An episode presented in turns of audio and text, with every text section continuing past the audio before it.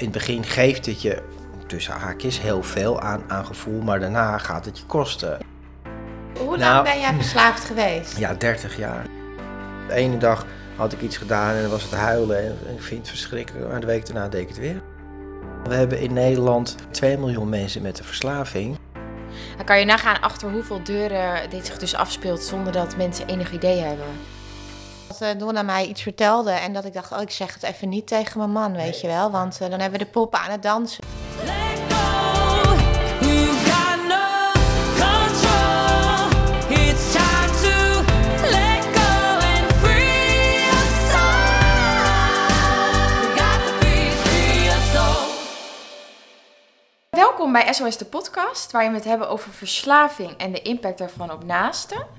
Eh, hoi, mijn naam is Donna en ik zit hier weer met mijn moeder Wilma. Hi mam. Ja, hi, ja, we zitten er weer klaar voor. Yes. En deze keer hebben we een gast. En dat is eh, René van Kolm. Welkom René. Dankjewel. Leuk dat je er bent. Nou, ik wil René heel even een beetje voorstellen samen met jou. Ja. Ehm, René is eh, drummer, eh, onder andere van de welbekende band Doe Maar. Eh, ervaringsdeskundige en eh familiecounselor. Klopt, helemaal. Ja, nou ja, en jij bent wel een beetje het bewijs dat herstel echt mogelijk is. Ja, dat Ik is, vind jou daar wel een mooi bewijs van. Mooi dat voorbeeld. is heel lief dat je dat zegt, ja. Ja, nou ja, en je zet het ook eh, heel goed in om anderen te helpen. Dus dat is ook wel heel mooi. Ja, Ja. Ehm, en we moeten niet vergeten dat jij ook nog een eigen podcast hebt. En daarin eh, heb je het vooral over de naaste, maar ook vanuit juist jouw perspectief. Omdat Ja. je natuurlijk zelf ook aan de andere kant hebt gezeten. ja. En ehm, jouw podcast kunnen we even noemen, eh, van verslaving naar vrijheid. Dus eh, ga vooral Ja, echt een aanrader. Ik eh, heb hem sommige afleveringen zelfs twee keer geluisterd. Echt heel veel van geleerd al. Heel interessant, super interessant. super lief van jullie dat je Ja. dat ook nog benoemt in je eigen hè? podcast. Ja. Nou, we zijn heel blij dat je er bent. Dus, eh, Zeker, ja. Hey, nog even terug. eh, Ik noemde heel even Doe Maar. Ja. Ehm, ja, we hebben ook wel wat jongere luisteraars. eh, maar ik, ik denk eigenlijk dat iedereen het wel kent. Ik was zelf een jaar of acht, negen toen dat eh, die hele hype was.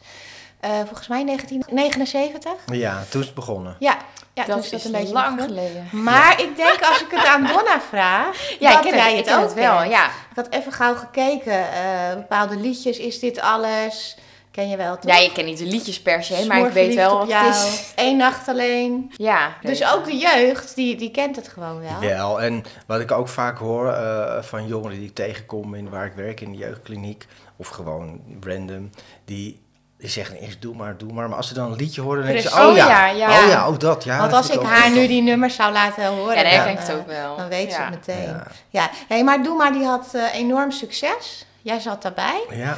Ehm, maar toch, na volgens mij twee jaar, Mhm. eh, ja, ben jij daarmee gestopt. Eh, had te maken met jouw verslaving. Dus Ja. ja. ik denk dat we moeten beginnen. Wat is jouw verhaal? Nou, waar Ja, Nou, het is een lang verhaal. Ja, waar, waar ze beginnen? Nou, ik, eh, voordat ik in Doema kwam, had ik al een verslaving. Dus was ik eigenlijk al volledig in een verslaving. Zonder daar nou echt ook heel erg bewust van te zijn. Maar, ehm, ja, bedoel je het begin van mijn verslaving? ja, Ja. ja. Nou ja, een beetje bij mij is het begonnen zoals het denk ik eigenlijk bij iedereen eh, begint. Het, eh, ik moet wel zeggen, dat klinkt heel gek van iemand die zo'n superverslaafde was als ik. Maar toen ik een jaar of 12, 13 was, of zelfs 14, had ik totaal geen interesse in drank, roken of wiet. Dat waren toen de, ja, de meest ja, logische Ja, dingen die ja, je tegenkomt. Daar was ik helemaal niet geïnteresseerd. Ik vond roken. Ik heb ook echt alles gerookt later, behalve sigaretten. Oh, het echt heel goor, nog Nee. steeds. Ja. Maar en drank ben ik wel, heb ik ook zeg ik altijd, eh, als een keer een fles eh, tequila leeg eh, gedronken met een vriendje. Nou, daar was ik zo ziek en hoofdpijn van dat ik ook Oh, wat gelijk een soort van genezen was. Oh ja. En dus ik had daar helemaal geen behoefte of interesse in. Ik Nee, vond me ook het- stom of dom, weet je wel. Het was En ook niet een bepaald heel lekker gevoel. Wat je Nee. dan wel eens hoort dat mensen bij hun eerste drankje al verkocht eh, waren. Nee. Maar Nou is drank ook niet. Hè. Iedereen heeft zo zijn ja, voorkeuren. Dat heeft ook met je brein en je systeem te maken. Bij de een klikt dit erin, bij de ander is het gokken, bij de ander is het drugs, bij iemand Ja. anders Ja. weer wat anders.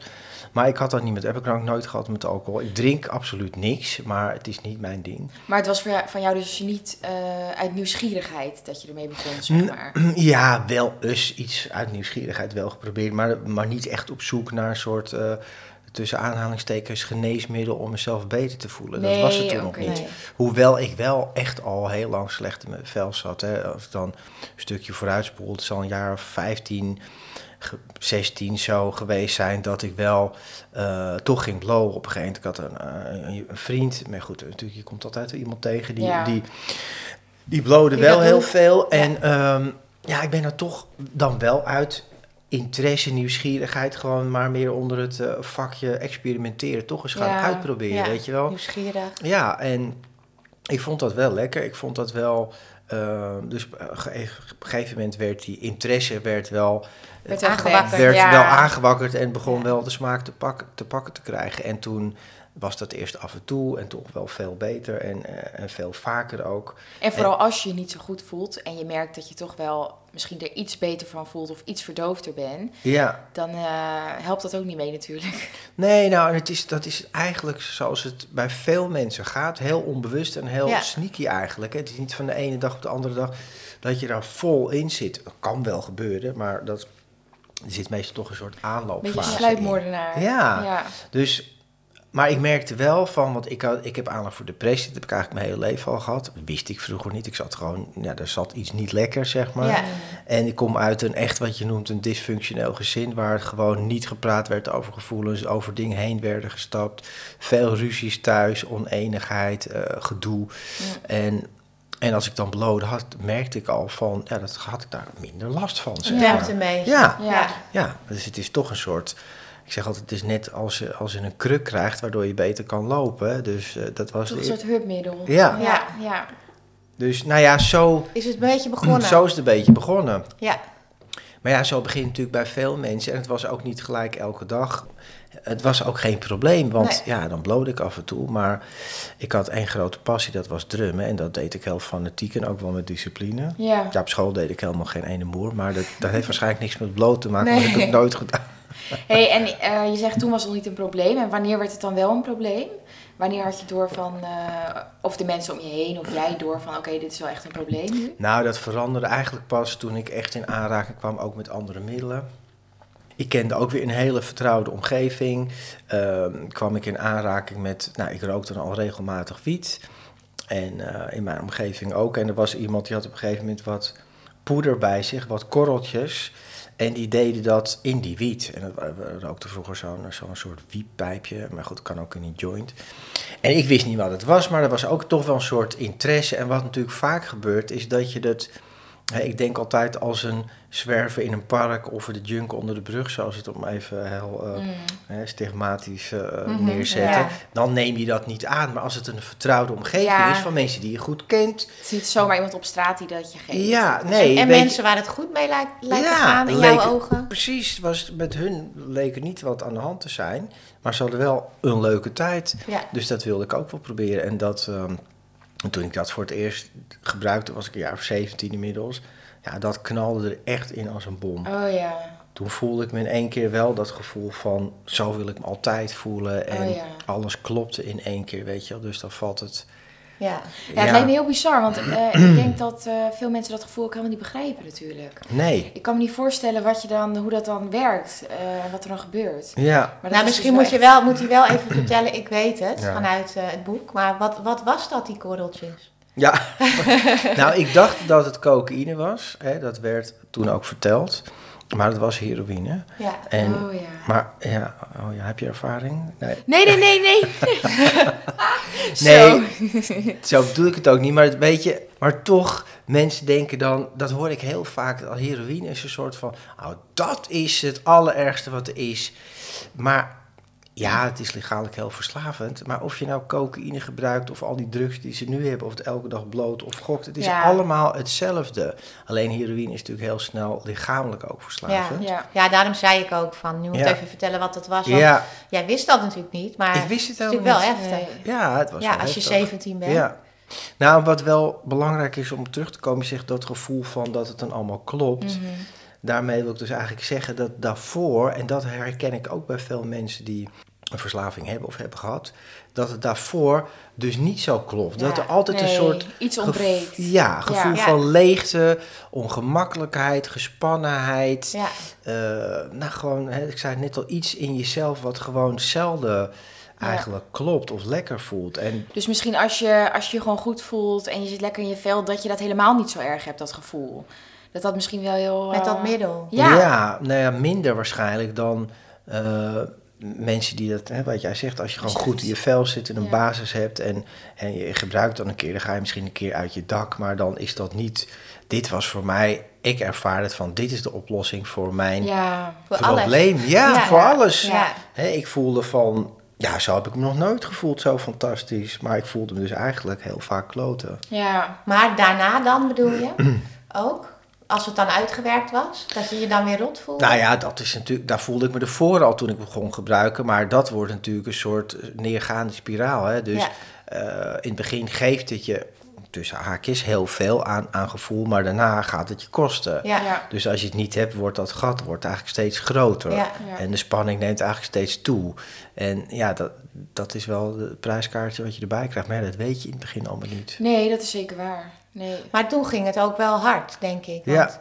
Eh, nou, ik heb je boek gelezen, hè? Ja. Eh, Heroïne Godverdomme heet het. Ja, Eh, Doe maar heeft daar ook een nummer over geschreven. Hè? Ja. Dat, eh, dat, dat ging eigenlijk over jou, toch? Ja. Als ik het goed begrijp. ik heb daar wel de inspiratie voor Ja. gegeven, zeker. Ja, Ja.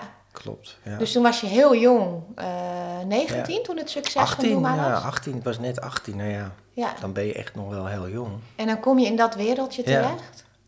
Ja. Ja, er was natuurlijk in het begin was dat, eh, het was wel al een goed lopende band, maar nog niet het hele grote, eigenlijk hysterische succes wat er een paar jaar geduurd heeft. ja. Ehm, maar goed, ik was toen 18 en ik wilde drummer eh, zijn en worden in een succesvolle band. Nou, dat lukte, dus dat was natuurlijk een... Super gaaf natuurlijk. Ja, Ja, super vet. super, ja. Overal optredens en platen maken. En, Echt een en- droom, Jongensdroom. Echt gewoon, ja, een jongensdroom. Elke Ja. dag spelen, overal.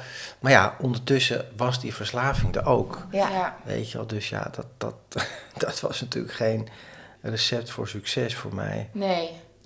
Dus dat is uiteindelijk ook wel misgegaan eh, in de band. Ja. Dat, je, eh, dat Ja. het niet meer werkte met jouw verslaving. Nee, nee, Nee. ik was gewoon... eh, Kijk, wat de verslaving doet met iemand is dat het ja, belangrijker wordt dan alle andere dingen in je leven. Dus afspraken, op tijd komen, dat soort dingen. Ik heb ze laten zitten, ze hebben op me gewacht. Ja. Ehm, dat soort dingen. Hè? Maar ook liegen, manipuleren. En mijn gedrag was gewoon eigenlijk, dat zei Henny Vriend ook altijd, die eh, helaas eh, overleden is, de bassist en zanger. Maar dat ik altijd vroeger een hele schichtige persoon was, een angstige persoon. Dus achter het drumstel kon ik heel goed mijn ding doen. Ja. Ja. Maar ervoor en daarna was ik gewoon ook altijd heel snel weg. Ja. En weet je wel, niet makkelijk in sociaal contact en ja. zo. Dat vond je ook lastig Dat vond ik heel lastig. Ja. Ja, ja. Maar super zonde, hè? Want uiteindelijk eh, had je die, die jongensdroom en dan raak je het ook weer kwijt. En dat lijkt me dan ook wel een enorme klap. Ja, ja dat was ook. Eh, en ik ben het ook niet zomaar kwijtgeraakt, want ik, ik eh, nou ja, die drugs, die verslaving, die kost natuurlijk geld. Dus ik ben eerst begonnen met geld stelen thuis, omdat ik vond dat eh, mijn vader toch altijd schreeuwde tegen mijn moeder en een slechte vader was, hè, in mijn beleving dan. Oh, ja. Het was eigenlijk gewoon iemand met trauma's en, en heel veel eigen problematiek. Waardoor Mhm. hij niet een vaderrol kon zijn. Maar goed, ik nam dat kwalijk. En ik had op een gegeven moment een hekel aan hem. Dus ik vond het heel rechtvaardig, wat natuurlijk bullshit is, om geld van hem te stelen. Nou ja, dan in het begin is dat spannend. En, maar op een gegeven moment ben ik dat ook buitenshuis gaan doen. Hè. Het wordt een soort trucje. Je gaat steeds een grens over. Ja. Dus op een gegeven moment heb ik het ook in, in de band zelf gedaan. Maar hè, van de bandleden, maar ook van. Dus op een gegeven moment een, op een fanclubdag, hè, waar allemaal fans alleen maar samenkomen om handtekeningen, foto's. Heb ik gewoon van een eh, jonge dame, fan eh 50, of ik weet niet meer wat het was, maar in ieder geval guldens waren toen nog, Ja. uit haar tas gestolen. En dat heeft Ja, iemand dat is gezien. wel, eh, ja. Dat is wel vrij heftig, ja. ja, dat is natuurlijk gewoon. Dus dat was de genadeklap. ja. ja, toen ben ik er ook uitgegooid uit de dus Ja. ja. en terecht. Hey, en hoe is het daarna verder gegaan?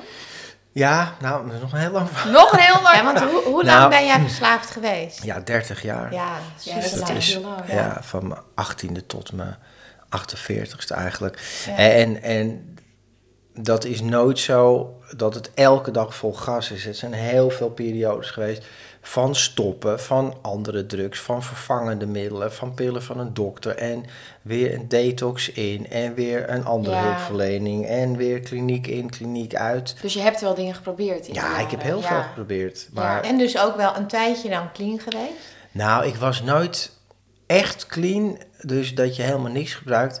Want ik dacht vroeger, en er is ook, moet ik zeggen, helaas nog heel veel hulpverlening waar dat oké is, dat zeg maar als je stopt met cocaïne of andere middelen of drank, maar je bloot bijvoorbeeld wel, ja, zien ze dat niet als probleem. En dat zag ik zelf Oh, ook ja. niet, weet je wel. Dus ik dacht van, eh, nou ja, als ik, als ik gewoon stop met die harddrugs, maar ik blijf wel blowen, dan, hè, dan, eh, ja, dan is het, dat moet toch kunnen allemaal, want dat doet iedereen, hoort erbij. Maar dan ben je nog steeds je verslaving gewoon aan, vol gas aan het voeren, want je Ja. neemt elke Ja. dag gewoon iets tot jou. Ja. Dat heb ik en nooit gehoord ergens. Maar ook- slecht, hè? ja, zeker slecht. En wat nog slechter is, dat ze tegenwoordig 30 jaar later Nog zijn er nog steeds plekken waar ze dan zeggen van nou, maak een dagboekje waar je opschrijft hoeveel je drinkt of bloot en dan probeer je dat te controleren. Ja. Ja, dat werkt dus niet Nee. met iemand die verslaafd is, want dat is precies wat het is. Iemand die verslaafd is, kan niet doseren. Nee. Maar het is dus niet zo in de verslavingszorg dat, dat iedereen daar hetzelfde over denkt. Want er worden Nee. dus verschillende dingen Nee. gezegd. Terwijl eigenlijk zou je denken natuurlijk, wat jij ook zegt... je moet gewoon eh, niks gebruiken. Ja, Totale abstinentie. Ja. Totale abstinentie, dus gewoon... En dat is eigenlijk ja, zo logisch als het maar zijn kan. Het meest voor de hand liggen dat iemand met een verslaving... die heeft last van mateloosheid, een doseringsprobleem, controleverlies. Die kan dat nou juist niet. Want als je dat Nee. wel kon, Dan zou het niet zo ver dan, gekomen zijn. nee, dan zou, het ook, dan zou je zeggen... Nou, ga af en toe uit mijn dak, we hebben een leuke avond... en misschien te veel gedronken of een keer gebruikt... maar dan stop ik er weer mee. ja. Ja, dat is niet wat de verslaving Nou ja, is. en Nee. ehm, wat ik ook wel eh terughoor in jouw podcast bijvoorbeeld, Ja. is dat er ook gekeken naar moet worden van wat zit eronder? En Precies, waarom ben je tuurlijk. verslaafd geraakt? Ja. Waarom blijf je ermee doorgaan? Waarom kan je niet hè, eh, stoppen? Eh, Ja. En als je dat niet aanpakt, dat is wat, Ja. ik, wat ik daar heel duidelijk hoor altijd, dan gaat het hem ook niet worden. Nee. Nou ja, dat, ik ben zeker 10 of 15 keer aan een detox eh, faciliteit geweest. Dat is eigenlijk een soort ja, ont- ontwenningskliniek. Hè? Gewoon een centrum waar je dan alleen maar naartoe gaat eh, om, Om te ontwennen. om te ontwennen. Dus Ja. je zit op pillen of je zit op drank of drugs of het maakt eigenlijk niet uit wat. Nou, je gaat daar naar binnen en dan bouw je dat af of dan stop je ermee. En na 10 dagen, ik dacht ik ook in mijn naïviteit, dan is het probleem Ben opgelost. genezen. Ja, Ja. Ik ben benieuwd. ja, ik ben benieuwd. Ja, Ja. Dat, dat, dat, dat lijkt dan ook even zo. Maar wat jij zegt, wat daaronder zit, waar het echt over gaat, waarom je eigenlijk gebruikt of het leven niet aan kan zoals het is, Ja. daar is niks mee gebeurd. Nee. Dus dat gaat hem niet worden. Nee. En bij de twaalf stappen, hè, want dat hoor ik overal Ja. terug, ook bij jou, Ja, ehm, gaat dat heel anders. Kan je Ja. daar wat over uitleggen? Nou ja, precies. Hè. Bij, bij de 12 stappen, dus de meetings, het 12 stap programma, dan heb je ook klinieken die dat model, dat noemen ze soms het Minnesota-model, toepassen. Daar gaat het juist wel om dat onderliggende probleem. Hè? Want zoals ze ook zo mooi zeggen, de, de verslaving of de middelen of het gok of wat dan ook is niet het probleem. Dat is de oplossing voor het probleem. Het probleem is dat ik of andere mensen die dat hebben niet weten hoe ze het leven gewoon aankunnen zonder dit te doen, Ja. zonder weg te lopen. Hè? eh, hoe ga je om met jezelf, met de dingen die je tegenkomt, verdriet, teleurstellingen, pijn, eh, drukte in je hoofd, nou, noem het allemaal op. Ja. Hè, En het 12-stap-programma is sowieso wat daar heel belangrijk is, dat er een een supportgroep is. Hè? Dus het zijn allemaal mensen zoals ik die elkaar kennen, want ze hebben allemaal hetzelfde meegemaakt. Ja. Maar ze, ja, ze praten dezelfde taal, voelen hetzelfde, hebben dezelfde ervaring. Ja. Dus dat is heel helpend. Ja, En die 12 stappen is eigenlijk gewoon, ja, is gewoon een, een methodiek. Hè? Dus je gaat 12 stappen, werk je door om echt naar jezelf te gaan kijken. eh, daar verantwoording voor te gaan nemen. En ook hè, stap 1 is dat je er echt al toe gaat geven dat het, ja, dat het je gewoon niet lukt. Dat je Nee. machteloos bent. Ja. Ja, en dat je verslaafd bent. Want dat is De- volgens mij precies. eh, ja, een heel groot probleem Ja. bij mensen met verslaving. Dat ze zelf helemaal niet vinden dat ze verslaafd zijn. Toch? Dat hoor- stap 1. Dat is stap 1. Ja, dat hoor ik natuurlijk elke week. Ja, Ja. Ik ben Ja. niet verslaafd. Ja. Ja. nee. Maar de omgeving vindt wel dat jij een probleem hebt. Ja. Ja. Ja. Ja, dus je. eigenlijk is stap 1 al een hele stap. Dat is, ook vaak het moeilijkste voor Ja. mensen. Dat toegeven. Hè, we blijven maar vechten om... eh, ik heb het zelf onder controle, ik ga het zelf oplossen. Of ik ben al twee weken gestopt en weet je wel, en allemaal bla bla. Waardoor je zelf ook denkt dat, het, dat je het onder controle hebt. Dat het En ze geloven het zelf ook echt. Je gelooft het zelf ook, ja. Ja. Ja, En, en de omgeving ook weer vaak, hè, van... eh, ja dat is... eh, dat zei, ik- zei ik nog net even in ons eh, voorgesprek. ja. En mijn moeder zei, nee, het gaat nu veel beter met René. Hoor. Dan blode ik alleen, maar dan was ik twee weken niet zware goot. harddrugs gaan, gaan scoren. Ja. Ja. Maar ja, weet je, dus we willen allemaal zo graag geloven dat het goed gaat. Maar je moet er keihard aan werken om, om daar bovenuit te komen. Ja, het is echt wel een beetje een gevecht. Ja, en dat het zo moeilijk Zeker. is, blijkt ook wel uit de cijfers. Want Ja. hè, de mensen ehm, die in herstel eh, proberen te komen, daarvan vallen natuurlijk ook heel veel weer terug. Ja.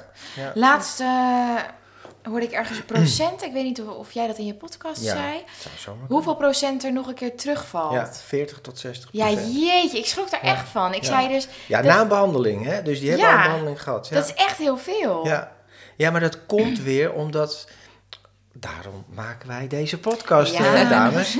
Hè, en, doe ik dat ook omdat er gewoon heel weinig bewustzijn is, heel weinig echte kennis over. Terwijl we hebben in Nederland om en erbij waarschijnlijk meer 2 miljoen mensen met een verslaving. Ja, En die hebben allemaal een broer, een zus of, of Ja. een partner of een ouders. En die weten helemaal niet waar ze mee te maken hebben. De Nee. hele familie zit Nee, nee ik, had, eh, ik hou van cijfers en feitjes. Ja. Ehm, ik had het uitgerekend, hè? want Ja. eh, ik had het inderdaad gehoord. 2 miljoen mensen met een verslaving. Nou, dat kan middelen zijn, maar, hè, maar ook gokken, gamen, kan van alles zijn. alles, ja. Hiervan komt ongeveer 4% in de hulpverlening. Dus nou, dat zijn dan iets van Ja. 80.000 mensen. Ja. Maar dat betekent dat ehm, ja, 1,9 miljoen en nog een beetje... Ja, eh, die gewoon zitten door. nog thuis en die, die kloten maar een beetje aan inderdaad.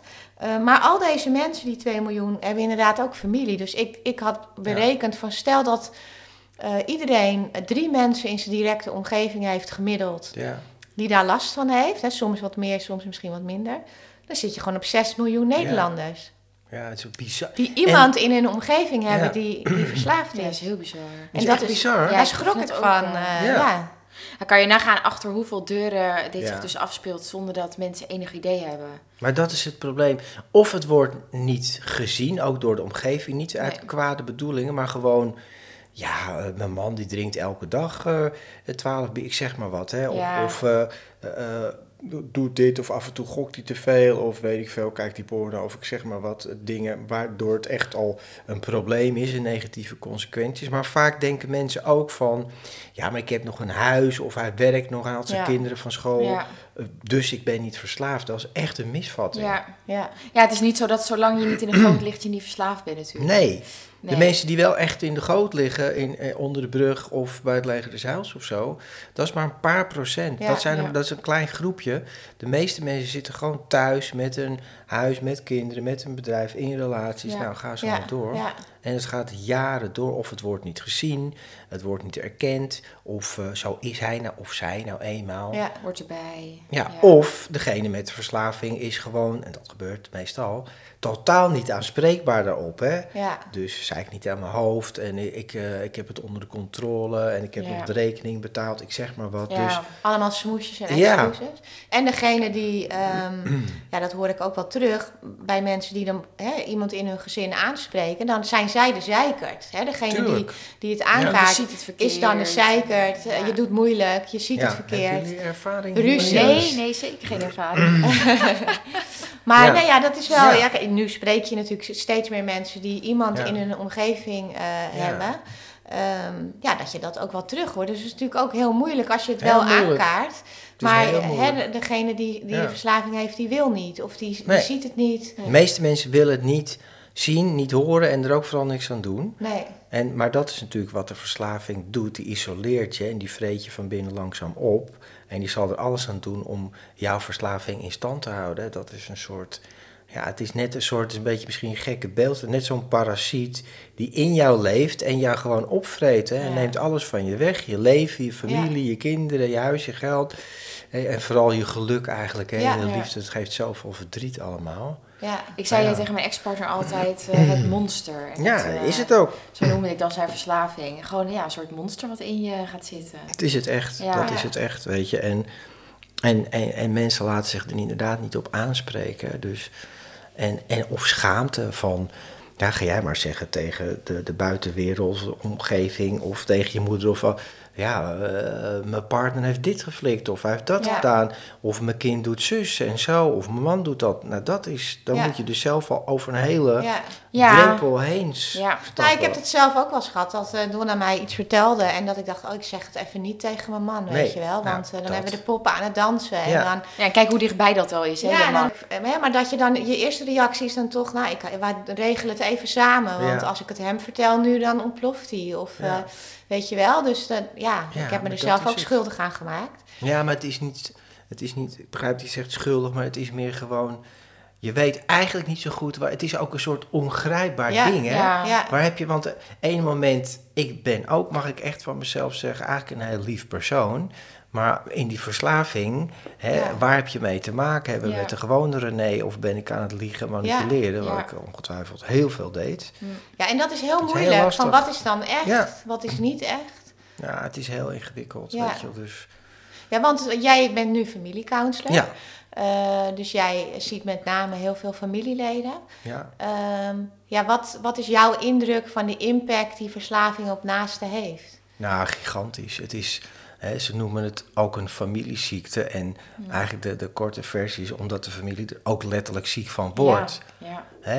Nou ja, dat weten jullie al. Stress, verdriet, spanningen, wakker liggen, niet kunnen functioneren op je werk. Altijd bezig zijn met dat verhaal van hè, degene die dan de verslaving heeft. Ja, Dus de impact op de, iemand met de verslaving is net zo groot als de impact van op degene die ernaast staan. Het is eigenlijk hetzelfde. ja, En dus ook die mensen, en dat is dan inderdaad mijn werk, hebben hulp nodig. Want je kan dit niet, hè, dat is natuurlijk ook waar het fout gaat. Mensen proberen dit zelf op te lossen. Dit gaan wij wel even op de voordeur, op de, even een goed gesprek met mijn zoon of met mijn Ja. kind of met mijn partner. Eens Ja. even de les lezen. Mensen proberen het zelf op te lossen en ondertussen worden ze steeds verder. dat hebben wij ook geprobeerd. Ja, natuurlijk. Alles Zeker. maar weghalen bij hem wat negatief is. Weet je, alles Ja, voor hem proberen zo goed mogelijk te laten verlopen. ja. Maar ja, het helpt uiteindelijk allemaal niet. Nou ja, dat is de, de grootste valkuil wat mensen precies niet moeten doen. Ze houden in stand Ja. door dingen op te lossen. Maar ja, hebben ze bij mij ook jaren gedaan. Dingen betalen, de huur, de schulden, de deurwaarder, smoesjes verzinnen voor andere mensen. Ja, daar hou je dus mee in stand. Ja. Ja, het is gewoon heel makkelijk gezegd, maar heel moeilijk, Heel te moeilijk. doen. En er is gewoon echt geen handleiding voor. eh, Er is geen protocol eh, voor de familie van hoe je hiermee moet omgaan. Nee, En tuurlijk, als je, als je bijvoorbeeld bij jou eh, komt, Ja. kan jij heel veel tips en handvaten geven. Maar wij- toen wij nog niet bekend waren in de hulpverlening, ja, wij hadden geen idee wat, Nee, wat nou precies het goede moet. was. Nee. Nee. Nee, maar wat we wel heel veel terug horen, hè, nadat we ons natuurlijk een Ja. beetje zijn gaan verdiepen, is wel de grenzen stellen. En, ja. en de grenzen die je stelt, dan ook wel ehm, ja, naleven. Ja. Ja. bewaken, ja. Bewaken. Grens is een grens, Ja. ja. Nou, ik denk dat wij dat best wel snel ook hebben gedaan. Want ik Ja. denk dat je met veel Uiteindelijk in, wel. eh, Ja, tuurlijk. Ja. Ja. Ja, weet je, en, en, maar dat is altijd moeilijk, want mensen voelen zich schuldig en voelen zich... Ja, maar als ik hebben allemaal ideeën erover. Dus als ik een grens stel van, nou, dit accepteren we niet... dan denken ze van, ja, maar dan gaat het helemaal mis. Dan gaat die, zakt die nog verder, of zij. Ja. Ja, de angst voor ja, wat er angst, kan gebeuren. angst is de grote... En dan zeg ik, nee, het gaat niet helemaal mis. Het is al helemaal mis, Ja. anders zit je niet hier bij mij te praten hierover. En het is zijn verantwoording, hij mag tot het punt komen, of zij, dat hij of zij het niet meer wil. Ja. Hè? Maar zolang jullie daar overheen blijven praten en dingen blijven regelen en fixen, Wordt gaat het helemaal niet. hij of zij gaat gewoon door. Ja. Ja. Hè? En, en, en je wijst altijd, je, de, de grens is naar het gedrag of naar de verslaving van de persoon. hè. Dus jij bent welkom, we houden van jou, maar niet van jouw verslaving. En dat is onacceptabel. En wat ga je eraan doen? Weet je, want Ja. wij gaan niet mee met dit proces. Nee. Nee, ik denk inderdaad dat dat wat allerbelangrijkste is, grenzen stellen. Ja, daar begint het ook mee. Ja. Maar ja, weet je, ja, jullie weten zelf hoe... Het is niet, ik doe dat in de middag en Nee, het nee, is nee. een proces Nee, van... dat is heel moeilijk. Ja. En ik denk, ehm, eh, ja, in ons geval hè, was het natuurlijk de partner eh, Ja. van Donna, hè, dus mijn schoonzoon. Dat is wel anders dan als het je kind is die Ja, het is verslaafd nog moeilijker. Ja, dat is nog moeilijker. Ja, nou, Ja. misschien kan je het je voorstellen. Heel goed, ik kan me heel goed ja, voorstellen. Het is verschrikkelijk. Ja, Maar het is ook, hè, het wordt echt gezien als een ziekte. En dat klinkt altijd een beetje raar, want ja, dan denken mensen, ja, een ziekte een ziekte. Maar het is een soort geestelijke of spirituele en lichamelijke ziekte met allerlei facetten van verschillende dingen. Maar het zou hetzelfde zijn, ja, dat klinkt misschien heel gek als iemand kanker heeft of iets anders er. En je gaat dat samen proberen thuis op te lossen. ja, maar ja, dit, nou, ja, maar Ja. zo, zo moet je het wel ja, vergelijken. dat is wel waar. Ja, Ja, dan gaan we naar, Ja. eh, naar de drogisterij, we kopen wat vitamines en Ja, dat maken we een thee voor je en dan komt we gaan er zijn wel mensen die dat geprobeerd hebben, maar dat is niet goed afgelopen. Nee, maar dan ga je, Nee. ga je toch wel naar een dokter of een arts en dat vinden we heel normaal. Ja. Als iemand een verslaving heeft, dan gaan we, nee, dat is, mogen we niet over praten. En vertel me niet aan de papa. En nou, Ja. ja. Ja, Dus dat treedt een heel ander gebeuren Ja. in werking gelijk. Ja. Ja, nou en het zou gewoon mooi zijn, dat is ook wel een beetje ons doel eh, van de podcast en jouw doel van jouw podcast Zeker. natuurlijk, om die schaamte en dat taboe, ja, om dat een beetje te doorbreken. ja. Ja. Hè, dat mensen toch wat meer, eh, en zeker omdat er zo, iedereen kent wel iemand die hiermee te maken heeft. Nee, dat Gewoon- naast zich wel minder alleen voelen en meer Ja, begrepen. En, ja. Ja, en gewoon Ja. naar buiten eh, durven te komen. Want weet je, ik zeg altijd maar gedeelde smart is ook halve smart. Hè? Als jij als familie daarmee zit, ja. eh, het is gewoon heel lastig als je dat in je eentje moet dragen. Hè? Terwijl je Precies. slecht slaapt en eh, ja. je hoofd amper boven water kan houden. Het is gewoon fijn als je het op een gegeven moment Ja. kan delen. En stukje begrip en meeleven. En advies misschien van mensen Ja. die eh, wat kunnen zeggen. Maar dat is, hè, zoals in de 12-stap-programma helpt de ene verslaafd in herstel de andere. Maar dat geldt voor de naaste ook. ook. Want jullie weten nu wat je zou zeggen tegen mevrouw X of meneer Z... Ja. die bij jou komt van mijn zoon dit of mijn partner dat. Ja. Dan, dan weet jij van, nou doe dit wel, doe dat niet. Want die ervaring hebben wij al. Eh, dat, dat is heel helpend. En keihard nodig. Ja, Ja. zeker. Maar René, eh, jij zit hier nu, gezond Ja. en wel. En Ja. al 13 jaar, volgens mij in juli 13 Bijna, jaar, Ja, klopt. ben jij Ja. gewoon al helemaal vrij Ja. van verslaving en al het gebruik. Ja. Best een lange tijd, hè? Ja. Dat is wel iets om trots op te zijn. Ja, nou, eh, eh, trots. Ik ben er vooral ook erg Heel blij dank. mee. Ja, gewoon heel dankbaar. Want weet je, ik denk ook wel eens waarom is het dan bij mij wel gelukt en bij zoveel andere mensen niet. Ik heb daar natuurlijk zelf ook wel heel veel Ja. Werk voor gedaan. verzet. Ja, Ja. dit gaat niet vanzelf zomaar gebeuren. Nee. Maar, ehm, nou ja, je wilt natuurlijk weten hoe dat gekomen. Ja. Ja, Ben je, nou ja, wat, hè, dan gaan we weer terug naar eigenlijk de families. Bij mij was het toch altijd zo dat eh, de enige die nog over was in mijn omgeving was uiteindelijk mijn moeder. Mhm. En ik heb echt de allerliefste, ze leeft niet meer, maar de allerliefste moeder die je kan bedenken. Maar dat was ook een valkuil. Ja. Want door haar onvoorwaardelijke liefde en ook een stuk schuldgevoel vanuit de jeugd. En er was niet zo'n goed huwelijk, overcompenseren. En eh René was altijd een beetje ziek, zwak en misselijk. En, eh, moeilijk in zijn vel. Is zij veel te veel met mij doorgegaan met Ja. problemen oplossen. Ja. Dus ik kon altijd bij haar binnenkomen. De deur was altijd open. Ze hielp me altijd met geld, eh, eten, drinken. Eh, eindeloos eh, hulpverlening, overal mee naartoe gaan. Als ik dan niet gemotiveerd was, dan zei ze, nou, kom maar weer binnen, weet je. Dan gaan we Ja. gewoon weer... En Dus er was nooit een Geen grens grenzen, en een schoppel. Nee, Nee. grenzeloze Nee. liefde. Ja, nou ja, en... en eh, en op een gegeven moment ging mijn moeder, die ging er 's ochtends zo, die ging naar de koffieshop voor mij. Of die ging bij de drogisterij pillen halen voor mij. Dan lag ik Oh, op de bank nog verrot. Ja. Ja, ja de- zo, dus zo ongezond was dat. Ja. Heel triest eigenlijk. Heel hè? ik heb daar dan zo'n beeld bij van zo'n oudere vrouw die dat dan gaat Ja. doen voor het kind. Ja, het is treurig eigenlijk. Ja, en ik hoor het vaker hè, van mensen die zeggen: Ja, ik heb drugs voor mijn kind gekocht. En het is echt, mijn moeder was niet de enige. Nee. Eh, ja, Nee, wat erg. ja, Ja, er was ook een stukje in je podcast, dat eh, is mij wel bijgebleven. Dat je zei van, eh, dat jullie dan samen ergens naar Amsterdam Ja. reden. En dat, Ja. dat zij dan iets voor je ging halen. En dan bleef jij in de auto zitten. En dan ging ze daarna een rondje lopen met de hond. Toen dacht ik ook wel, jeetje, hoe, ja, ja, dat bizar hè. Dat je, zo triest eigenlijk. Ja, zo echt. verdrietig, verschrikkelijk. Maar dat je dus als familie zo je grenzen kan verleggen. Hè? Want dat, dat gaat natuurlijk niet van de ene op de andere dag. En 30 jaar is natuurlijk heel Ja. lang, zo'n verslaving. Dat je dus op een gegeven moment op zo'n punt komt. En het gebeurt bijna, uitzonderingen daar gelaten, er zijn maar heel weinig mensen waar dat niet gebeurt. Want het gebeurt eigenlijk bij iedereen. ja. Omdat je van je kind houdt. Het heeft niks met intelligentie te maken. nee, nee, Of wat dan ook. nee. Het is gewoon, mensen weten niet waar ze mee te maken hebben. En iemand die heel snel grenzen kan stellen, die weet ook waarschijnlijk waar die mee te maken heeft. Maar Ja. heel veel mensen doen dat uit liefde en goede bedoelingen Ja. niet. Maar goed, waardoor het toch Ja. gelukt is, voor het hele afbouw, is dat ze op een gegeven moment, ik had toen, hè, dat was toen mijn vriendin die ik eh, ontmoette en nu mijn vrouw, had ik daar ook wat geflikt. Ik had ook daar dingen gestolen, eh, sieraden van de overleden vader. Ik had anderhalf jaar nog een dubbeltje bij gepikt, maar Oh, wel ja. een paar keer echt eh, gaan scoren en niks van laten horen. Maar het was allemaal nog zo en ik gebruikte wel Hm. wat, maar dan ook weer dat eh, we waren ook ja, dat was gewoon een hele grote liefdesband. Maar op een gegeven moment had ik echt ben ik echt over haar grens Ja. heen gegaan.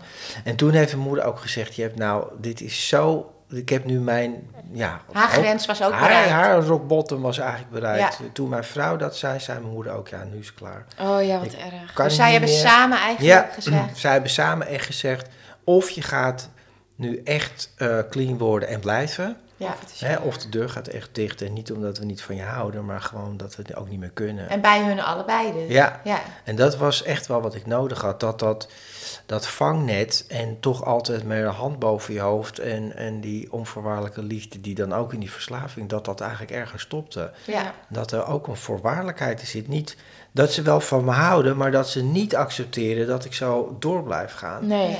En En- over hun grenzen gaat ook. Over hun grenzen Ja. blijf, want dat, dat doe je gewoon. Dat Ja. blijf je ook doen. Hè? Want de ene dag had ik iets gedaan en dan was het huilen. En, en ik vind het verschrikkelijk. Ik vond het ook verschrikkelijk. Maar de week daarna deed ik het weer. Ja. Ja, Ja, dus ja. ja. ongeloofwaardig. Ja, Ja. dus dat, weet je, Het dus stopt niet, het houdt niet het op. houdt, nee. er, er Nee. is geen, nee. Dus toen ze dat hebben gedaan, en wat ik ook altijd deed, dat dreef mij tot 100% commitment om een kliniek en een behandeling dan ook wel echt een 12-stappen kliniek, dus dat was een goede plek om dat ook te gaan doen. Want daarvoor deed ik altijd alles op eh 50, Ja, 60% Misschien op een hele goede dag 70% maar nooit 100 En als het te moeilijk werd, dan ging ik gewoon... eh, dan dacht Ging je ik, er weer nou, uit. dat vind ik te ingewikkeld. Ga ik niet, dat vind ik te moeilijk, te pijnlijk. Nee, dan ging ik Dus niet. nooit echt tot die kern Nee, gekomen. ging er nooit echt doorheen. En dan ook er doorheen blijven gaan. Hè? Want dat is wat herstel Ja. is. Ja, dit, dan, als je dan clean wordt, dan begint het pas. Ja.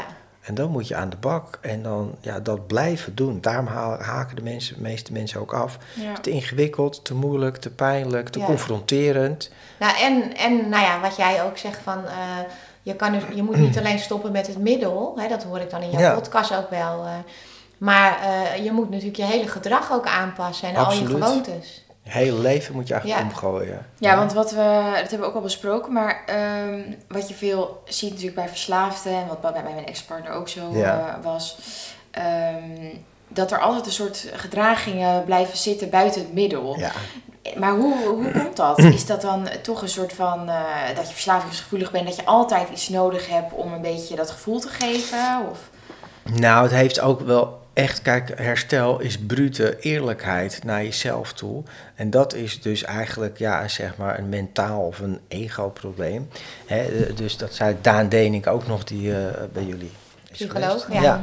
Ehm, het is, verslaving is 30% dan de middelen. En onder middelen bedoel ik eigenlijk ook het gokken of het gamen en het drugs Mhm. en alcohol. En 70% gedrag. En dat is Ja. niet dat stuk de pijn, de eerlijkheid, echt naar jezelf kijken, verantwoording nemen, toegeven dat je fout zit. Nou, dat vinden mensen met de verslaving heel moeilijk hoor. En inclusief mezelf. Hè, echt naar jezelf kijken. Vol, het is eigenlijk een soort volwassenwordingsproces. Eerlijk worden. Echt echt naar jezelf kunnen kijken, toegeven, nou, dit is niet oké en daarom blijven werken. En dat, daarom kan je wel in die kliniek stoppen met je middel, maar dat is niet waar het stopt. Nee, je moet echt eerlijk worden met jezelf. ja. En eh, hè, dat hoort ook bij de twaalf stappen. Dingen goed te maken die je verpest hebt, die je ver- verneukt hebben andere mensen. Eh, ja, door het stof gaan, zeg maar. Dat vinden mensen, überhaupt mensen moeilijk. Maar mensen met een verslaving. Ja, helemaal moeilijk. Ja. Ja, echt eerlijk worden met jezelf. Hè, en ophouden met, ah, ik zeg ook wel eens, verslaving is de ziekte van ik. Hè. Hè, dat heb ik ook Ja. in een podcast. Ja. Het is allemaal ik, ik en het gaat om mij. En ik Heel het moet- egoïstische Een ziekte. heel egoïsme. Het is eigenlijk gewoon de ziekte van het egoïsme. Het moet op mijn manier gaan. En ik wil het zo. En jullie zijn allemaal gek. Het ligt vooral aan iedereen. Het ligt niet aan mij. Ja, dat moet allemaal gaan veranderen. Ja. Ja. dus dat is best wel veel. Dus het is niet is zo, zo, zolang je eh, bent gestopt met een middel, Nee, dat, het, dat je weer helemaal eh, op het goede pad bent. nee echt Nee. herstel is echt, echt, nou noem ik het ook een spiritueel proces. Eigenlijk je, je geest transformeren, je hart transformeren. Echt naar jezelf gaan kijken en eerlijk worden. Ja, en leren omgaan met, met het leven. Ja. ja. Zonder dat je jezelf eh, verdooft of Ja. gebruikt. Of, eh, Ja, toch? ja, en precies. En dat geeft op uiteindelijk ook wel die liefde en die verbinding en dat geluk. Maar het is een taaie wedstrijd. Hè? Daarom vallen zoveel mensen altijd terug. Want of ze weten niet dat ze dat moeten doen. Of ze doen het een stukje, maar is het ingewikkeld en laten ze het varen. Nou, en jij zei ook wel ehm, in een van je podcasts eh, dat je ook echt wel, toen je helemaal in herstel was, een periode hebt gehad, dat, dat je dat dingen helemaal niet, niks was leuk. Nee. Hè, niks smaakt lekker, niet- Nee. niks is leuk. En dat je daar doorheen moet, want dat is natuurlijk best Klopt. wel lastig. Ja, En dat daarna dan op een gegeven moment hè, wel eh, de ervaring komt van, oh, ik kan van de gewone dingen, precies. krijg ik ook weer eh, een goed gevoel Ja. en dan kan ik weer genieten. Maar al die dingen moet je leren. En die leren ze bij heel veel hulpverlening niet. Hè, dus je moet ook weten hoe je brein met dat soort dingen werkt. Als je altijd gewend bent aan pieken van... Hè, weet je, of helemaal van het pad af. En, en je gaat op een gegeven moment nuchter worden. Ja, dan is, ja, wat is er leuk? Nou, niks. Ja, alles nee. is een flat. Ja, Ja. pizza, een film kijken, alles is saai. En dat, dat kan zomaar een jaar duren.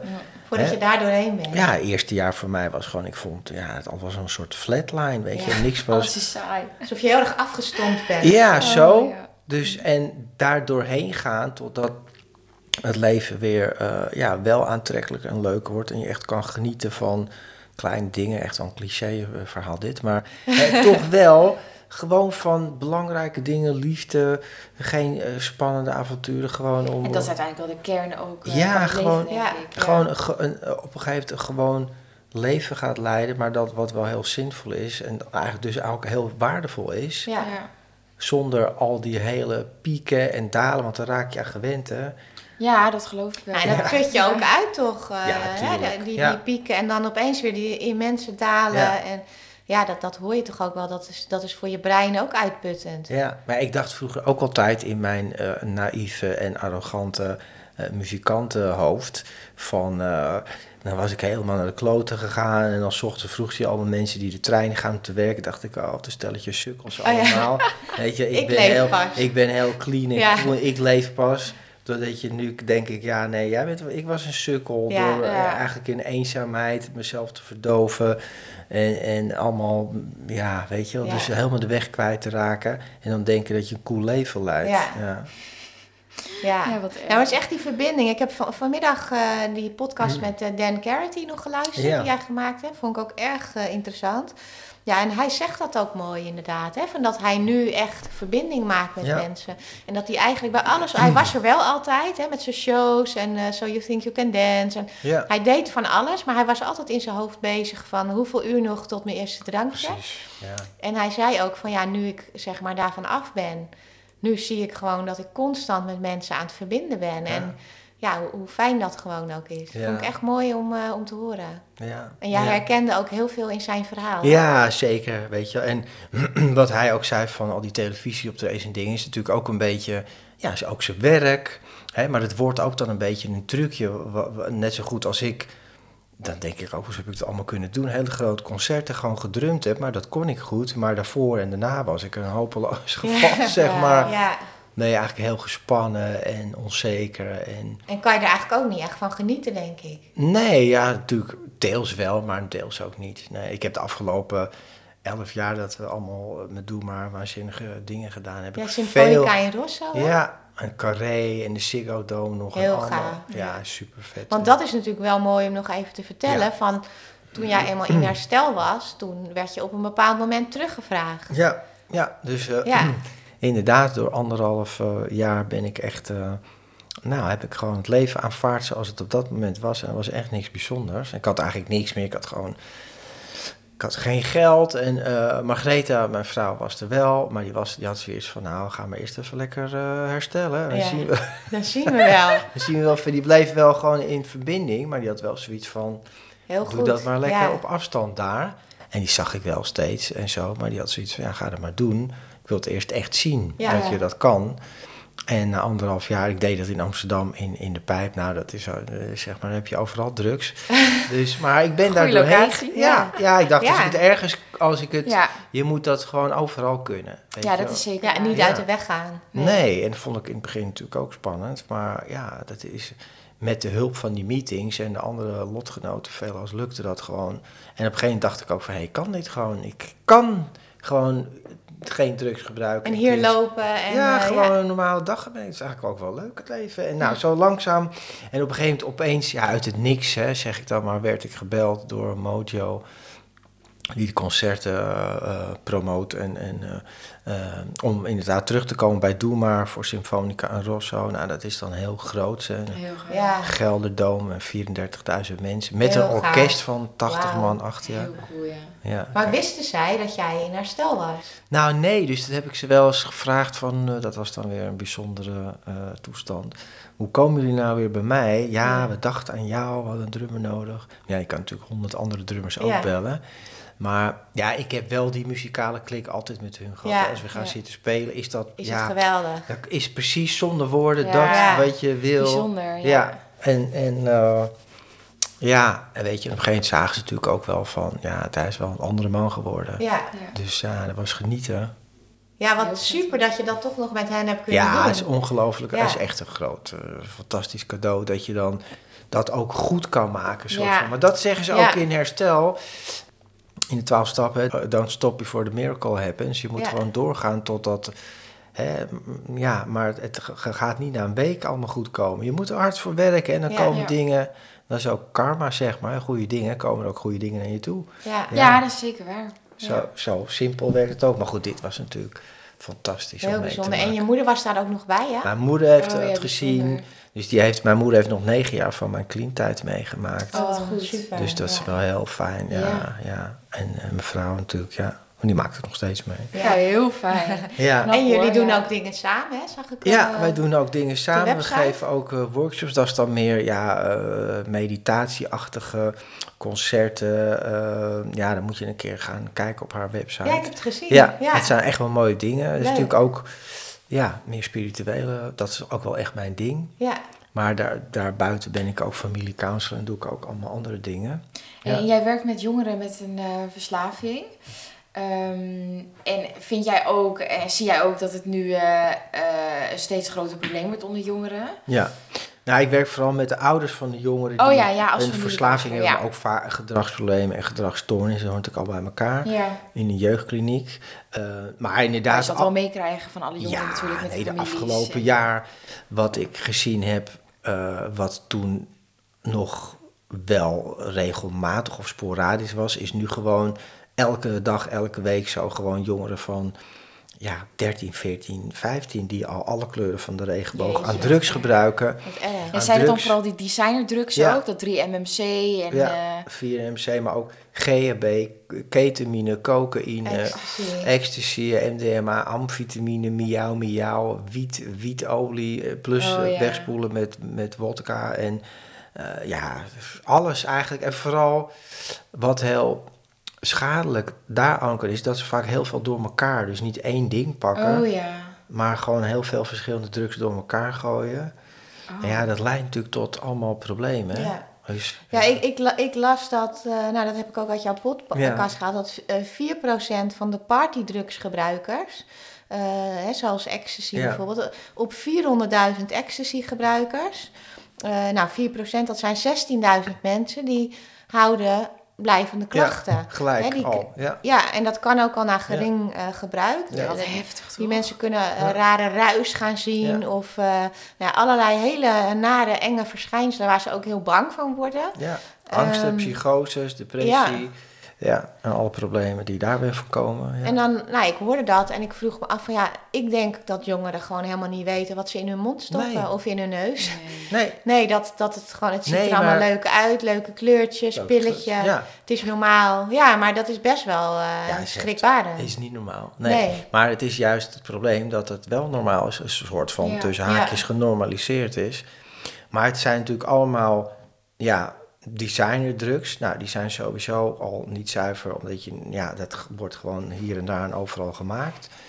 Maar je weet nooit ook hoe je lichaam erop reageert. Dus eh, Nee, het is een soort bij, bij Pietje gewoon. valt het goed, maar bij Jantje niet Ja. Omdat hij niet goed in zijn vel zit of die heeft net een andere lichamelijke constitutie, waardoor. Hè, en, en nou ja, ga zo maar door. En dan nog al die combinaties. Ja, het is Ja, heftig hoor. bizar. Ja. Maar ja, hoe, hoe denk jij nou dat, dit, eh, dat het komt dat dit erger wordt? Omdat er meer middelen komen? Of omdat het er gewoon meer is? Of omdat eh, toch een soort groepsdruk eh, wat Ja. nu meer heerst? Nou, al die dingen die je net hebben opgenoemd. Ja, ja. de beschikbaarheid is gigantisch. Je kan eigenlijk. Hè, vroeger was het dan de grote steden. Nou, tegenwoordig is er is geen dorpje meer veilig in Nederland. Schoolplein. Overal, schoolplein. Ja. Dus de beschikbaarheid is gigantisch. Je kan eigenlijk heel veel drugs, omdat ze net niet onder de opiumwet vallen, kan je gewoon op het internet bestellen. Daarbuiten krijgen ze in Snapchat en, en Facebook en WhatsApp hele lijsten van eh van Ja. weekaanbiedingen. Twee Ja. halen, één betalen. Ja, Ja. deze drugs. En als, nou ja, iedereen, het is natuurlijk niet dat alle jongeren doen, maar een heel groot deel van, zeg maar, jouw vrienden dat doen. Ja, Ja. dan groepsdruk. Ja. Ja, het is tegenwoordig. Ik sprak een andere dame die in de podcast is geweest bij mij. Die zegt: Als ik op een feestje kom, ben ik ongeveer de enige die dat niet doet. En is dat eigenlijk heel abnormaal dat Ja, ik het niet doe. Ja, dat, Ja. dat was bij mijn omgeving ook altijd zo. Was Nou ja. altijd de enige. Degene die- Ja. die het niet doen, die is tegenwoordig abnormaal. Ja, en dat geeft Ja. natuurlijk ook wel druk van: Ja. ja, heb je haar weer? Ja. eh, kom op en doe even gezellig mee. En Ik vind het wel heftig voor de jongeren van nu dat je. Ehm, dat het er dus zoveel is en dat je wel echt heel stevig in je schoenen moet staan. ehm, wil je het niet doen, zeg maar. Ja. Want je bent natuurlijk ook op een bepaalde leeftijd dat je wat kwetsbaarder bent dan als je volwassen bent. Ja, ook dat. Dus ik vind dat wel heftig Ja. ook. Dat, Nou, en, eh, en ze hebben geen flauw idee. Want waar jij je hart voor maakt. Hè, je was Ja. gisteren bij eh, Hart voor Nederland, gisteravond. Heb ik eh, vanmorgen gekeken. Ehm, ja, jij maakt je er hard voor van. Ehm, er moeten meer eh, campagnes komen, Ja, absoluut. spotjes, Ja. informatie, overheid, waar zijn jullie? Hè? Dat was jouw Ja. noodkreet eh, in je, een van je laatste podcasts. Ehm, er is al, ik ging daarover nadenken. Ik dacht, ik zie ook nooit iets Nee, voorbij komen. en wel bijvoorbeeld reclames met eh, wat je dan nu veel hebt eh, over roken of over 18 plus. Ja. Drank bijvoorbeeld. Niks 18 plus. Maar over drugs is niks. Nee, nee. Nee.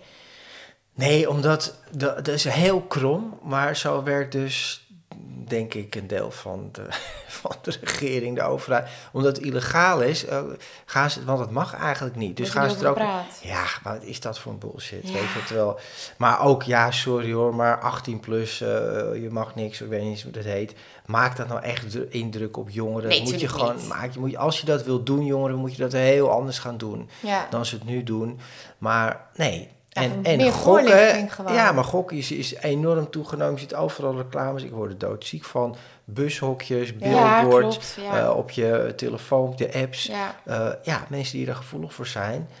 Nee, maar er is landelijk, hè, je hebt van allemaal dingen, campagnes, behalve daarover. Er wordt gewoon, ja, en, en, en hoe langer ze wachten, hoe groter het probleem Ja. wordt. Ja, want bij Hart voor Nederland zeiden ze ook in het intro-stukje Ja. dat eh, de kindertelefoon en de hulplijn, alles Ja. oké heet dat, die zagen het aantal telefoontjes over eh, ver- eh, ja, drugsproblemen, Ja. verslaving bij jongeren, het afgelopen jaar met 22% 22%, toenemen. dat is gewoon Ja, dat is echt- gigantisch. Ja, Schrikbarend gewoon. Ja. Ja, en het zijn, hè, en het zijn echt kinderen. Ik bedoel, Ja. de- 13, 14, 15, 16 jaar. Waar hebben we het? Dat die zijn net... Super jong, net van de basisschool Ja, dat is echt heel jong. En nogmaals, mij gaat het al helemaal niet om dat mensen als je een leuke avond hebt, die hebben het gezellig, nou top, weet je wel. Maar daar gaat het niet om. Het gaat om dat er echt problemen van komen Ja. en dat het onderschat wordt. Ja. En dat heel veel jongeren die juist kwetsbaar zijn in deze wereld die toch al heel ingewikkeld is, gewoon in een verslaving terechtkomen. En, en dat neemt alleen maar helemaal toe. Ja. En dat is wel echt een probleem. Ja. Ja. ja, en ik hoorde ook dat het eh, Trimbos Instituut, ik weet niet of ik het goed Ja. uitspreek, ehm, dat die niet willen dat er onder de 18 voorlichting wordt gegeven eh, over drugs aan eh, jongeren. Ja. Wat? Ja, ik denk, je bent gewoon te laat als je met 18 Ja. begint. Je bent echt gewoon, je moet gewoon met tien beginnen. Je bent Ja. gewoon, nou ja, of vanaf Ja. de brugklas. Maar ja, als jij pas vanaf 18 daar, wat, oh, dan, dan, dan zijn ze al jaren daarmee bezig. Ja. Ja, weet je, nou ja, al dat soort instituten en er zullen hele goed bedoelde mensen aan het werk zijn. Maar het is allemaal veel te laat log en, en, Ja. en, en niet, die zitten niet met hun, nou ja, ik zit er elke week in, ik zie het Ja. elke week. En Ze staan niet met hun voeten in de modder. Nee, ze zitten gewoon, weet je, ze kijken ernaar, ze gaan het allemaal monitoren, hartstikke leuk. Maar er moet gewoon wat gebeuren Mm. op een goede manier. Dan moet je ook, moet je ook jongeren kunnen bereiken. Maar dat Ja. gebeurt niet, Nee. Nee, en ik, ik hoorde ook ehm, nog niet. Dat, dat het wel echt bewezen is dat als ouders aan hun kinderen laten weten: eh, joh, wij vinden het niet oké. Ja, en als ouders zich erin verdiepen en hun kinderen daar ook wat over vertellen. eh, kijk, zeggen het mag niet, dat, dat, dat slaat nergens op, want hè, ze doen het dan toch. Ehm, maar dat als je laat merken, ik vind het niet oké, hè, er zitten risico's aan, dat dat wel schijnt te werken. Hè. Misschien, ze doen het misschien wel, maar dat kinderen daar toch... Het brengen op een andere Eh, manier gewoon. Ja, maar dat, dat het wel invloed heeft ten opzichte van Ja. kinderen die van hun ouders horen... oh, oké, iedereen doet het, dus ik snap het wel. Hè, dus het heeft Nee. echt wel zin als ouders... Tuurlijk, je moet er over, het begint met bewustzijn over, over middelen, over inderdaad over gaan praten, wat het allemaal is. Maar ook wel dat we, vind ik echt dat we af moeten van het idee dat het normaal is. Ja. Eigenlijk normaal, wat, ja, wat is normaal? Dat bestaat volgens mij niet meer. Maar hè, dat iemand gaat experimenteren en dat je een keer helemaal dronken wordt en eens een joint rookt of weet ik veel, eens een keer wat doet.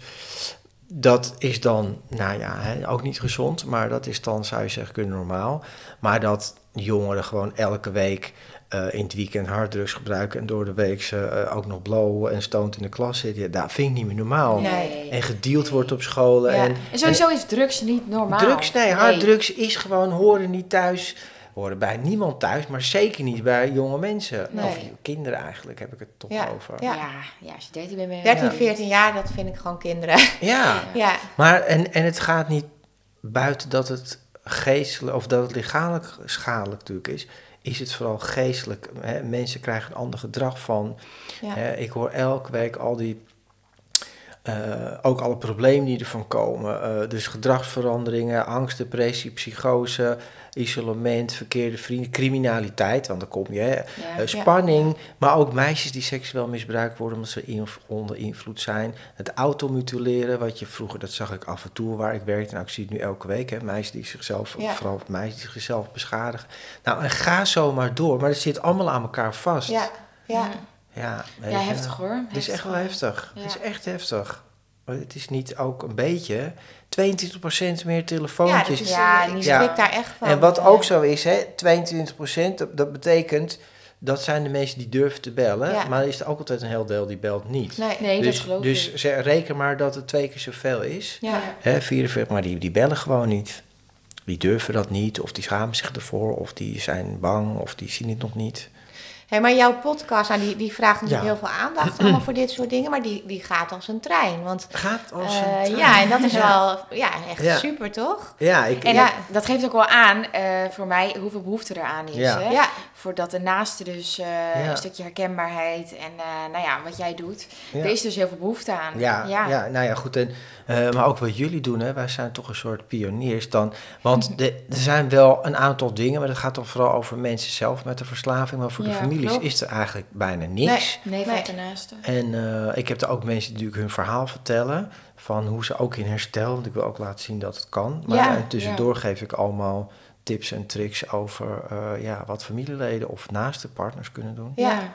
Ja. Nee, ik vond het echt super helpend. Ik heb het, eh, ik heb, we hebben het allebei veel geluisterd. en eh, Fijn. ja, nee, ja, echt heel mooi. Ik denk Ja. dat het voor heel veel naasten echt heel fijn is om te Ja. horen. En, eh, Daar doen we Ja. het. ja, nou ja, daar, daar dus gaan we eh, voor wij vertellen het ook weer door. Ja, Ja. hartstikke lief. Ja, nou ja. Nou, ik denk dat wij, eh, we hebben heel veel gepraat. Ja. Ja. Ja, we zullen straks vast denken, oh, we hadden nog dit of dat willen vragen. Maar, eh, ja. Altijd. Zoveel te praten. Hey, maar heel erg bedankt eh, dat jij eh, naar ons toe wilde komen. Bedankt voor je openheid. En je Ja. verhaal. Heel graag doen. gedaan, heel graag gedaan. En jullie heel veel succes met deze podcast. Ik zal het zeker ook delen. Ja, Dat is dankjewel. wel Hartstikke goed. Graag. Ja. Nou, dankjewel. Nou, lieve luisteraars, bedankt voor het luisteren naar deze aflevering weer. En mocht je up-to-date willen blijven van de nieuwe aflevering en onze nieuwtjes, dan kan je ons volgen op de SOS Podcast op Instagram. Ja, of wil je ons een vraag stellen of eh, iets met ons delen? Dan kun je ons een mail sturen naar sosdepodcast.gmail.com. Yes. Nou, tot de volgende keer weer. Adios. Adios.